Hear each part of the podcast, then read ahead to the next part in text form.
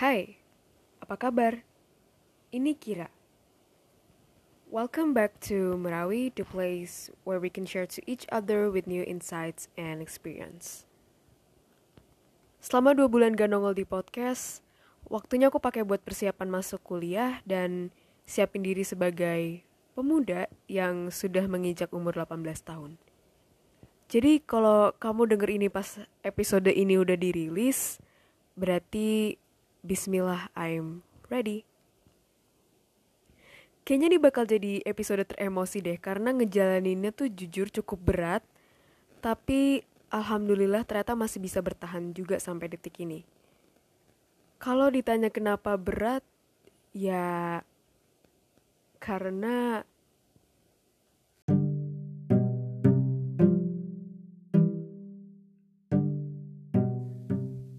awal kelas 12 aku bingung banget mau ke mana. Bisa dibilang udah kayak krisis identitas. Kanan kiri teman-teman udah tahu apa yang mereka incer dan udah belajar duluan malah. Aku FOMO. Waktu itu aku nggak tahu tujuan hidup aku apa, belum terlalu kenal juga sama diri sendiri. Beda sama teman-teman aku, satu semester aku habisin waktu buat mikirin untuk lanjut di Saintek atau pindah jurusan ke Sosum kelihatan lama banget gak sih mikirnya? Emang sebegitunya banget aku dulu bingung mau ke mana. Tapi ya namanya hidup harus milih. Akhirnya aku cari cara. Akhir tahun 2020 aku coba kerjain tryout salah satu bimbel online subtes sosum. Gak belajar sama sekali gak buka tab lain bener-bener jawab pakai logika dan feeling aja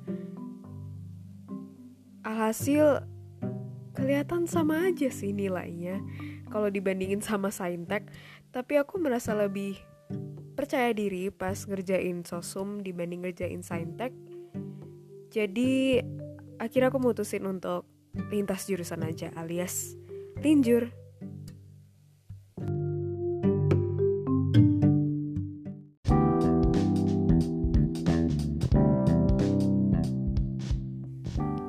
Baru lintas jurusan pas Januari, panik sih ada. Nyawa cuma tiga bulan lagi, ujiannya pakai TKA pula. Definisi takut tapi tetap percaya diri. Harus bener-bener mikir jurusan yang tepat apa. Aku pribadi jurusan oriented karena aku pikir itu udah berpengaruh buat seumur hidup. Sampai akhirnya aku keinget waktu psikotes hasilku waktu itu yang pertama jurusan biologi, terus yang kedua jurusan komunikasi.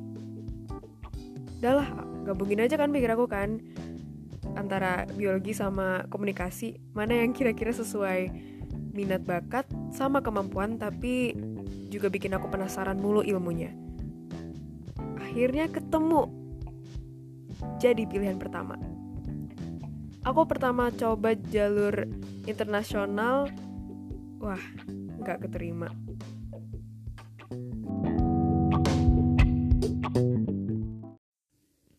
Buset kaget banget men.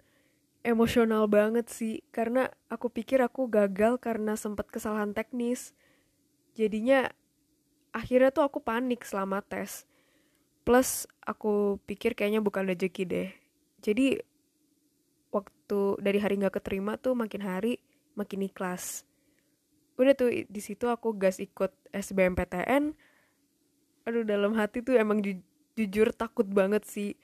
Soalnya tuh selama TO nilai aku tuh rendah banget. Kepala lima aja tuh baru nyampe pas detik-detik UTBK terus aku dapat prediksi gak lulus lagi dari bimbel offline aku. Udah makin pasrah banget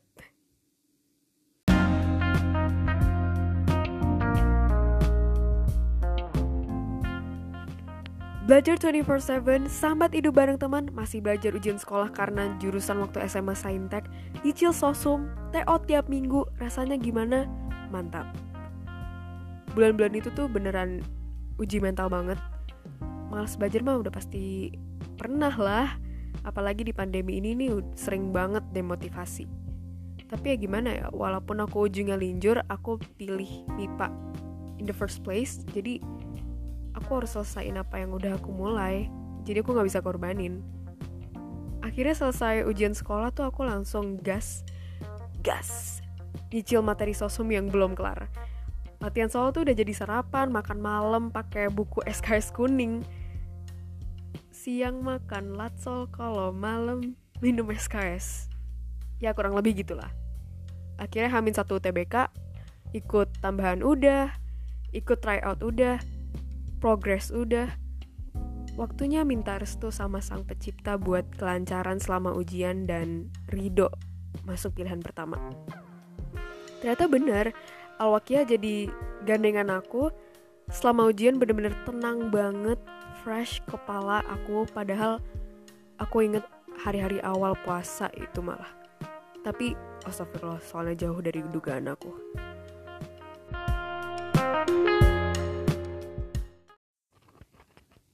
Beneran deh hopeless. Tapi berharap banget lolos pas itu. Eh ternyata belum rezeki juga. Ditolak SBMPTN tuh. Definisi Spain without the S. Mau nangis lagi udah gak bisa udah abis pas ditolak jalur internasional kemarin. Mau nyerah juga gak bisa. Masih pengen ngejar pilihan pertama banget. Tapi aku mikir berarti bukan di situ tempat aku. Ada yang lebih baik kalau gue punya jatah gagal berarti gue juga punya jam terbang gue sendiri. Itu yang sering aku mikirin sih tiap aku gagal walaupun kayak ke sana sugar coat tapi itu the truth that's the truth. Itu kebenarannya. Akhirnya aku mutusin buat tetap ikut mandiri demi pilihan pertama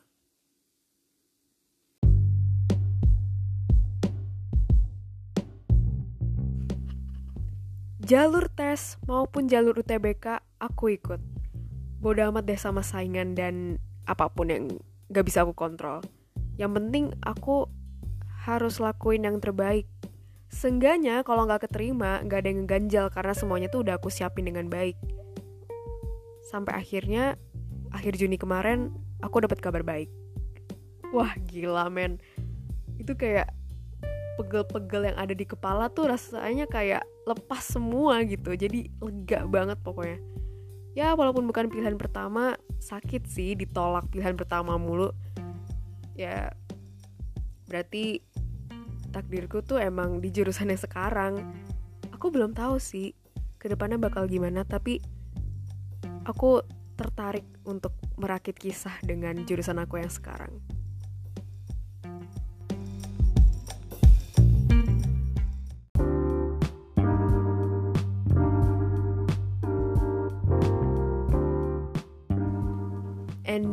it's time for tips and trick. Yang pertama, cari cara belajar versi kamu sendiri, jadi harus explore. Soalnya tiap belajar orang tuh beda-beda dan belum tentu tips belajar orang cocok di kamu. Jadi penting banget buat kenal diri kamu sendiri, maupun dari kelebihan atau kekurangan. Cari yang cocok dan tentang kamu tuh harus digali tapi menurut aku yang paling efektif itu tuh cara belajar paling efektif itu active recall dan space repetition. Mungkin buat selengkapnya mungkin bisa search ya di search engines. Terus yang kedua pikirin jurusan dari sekarang.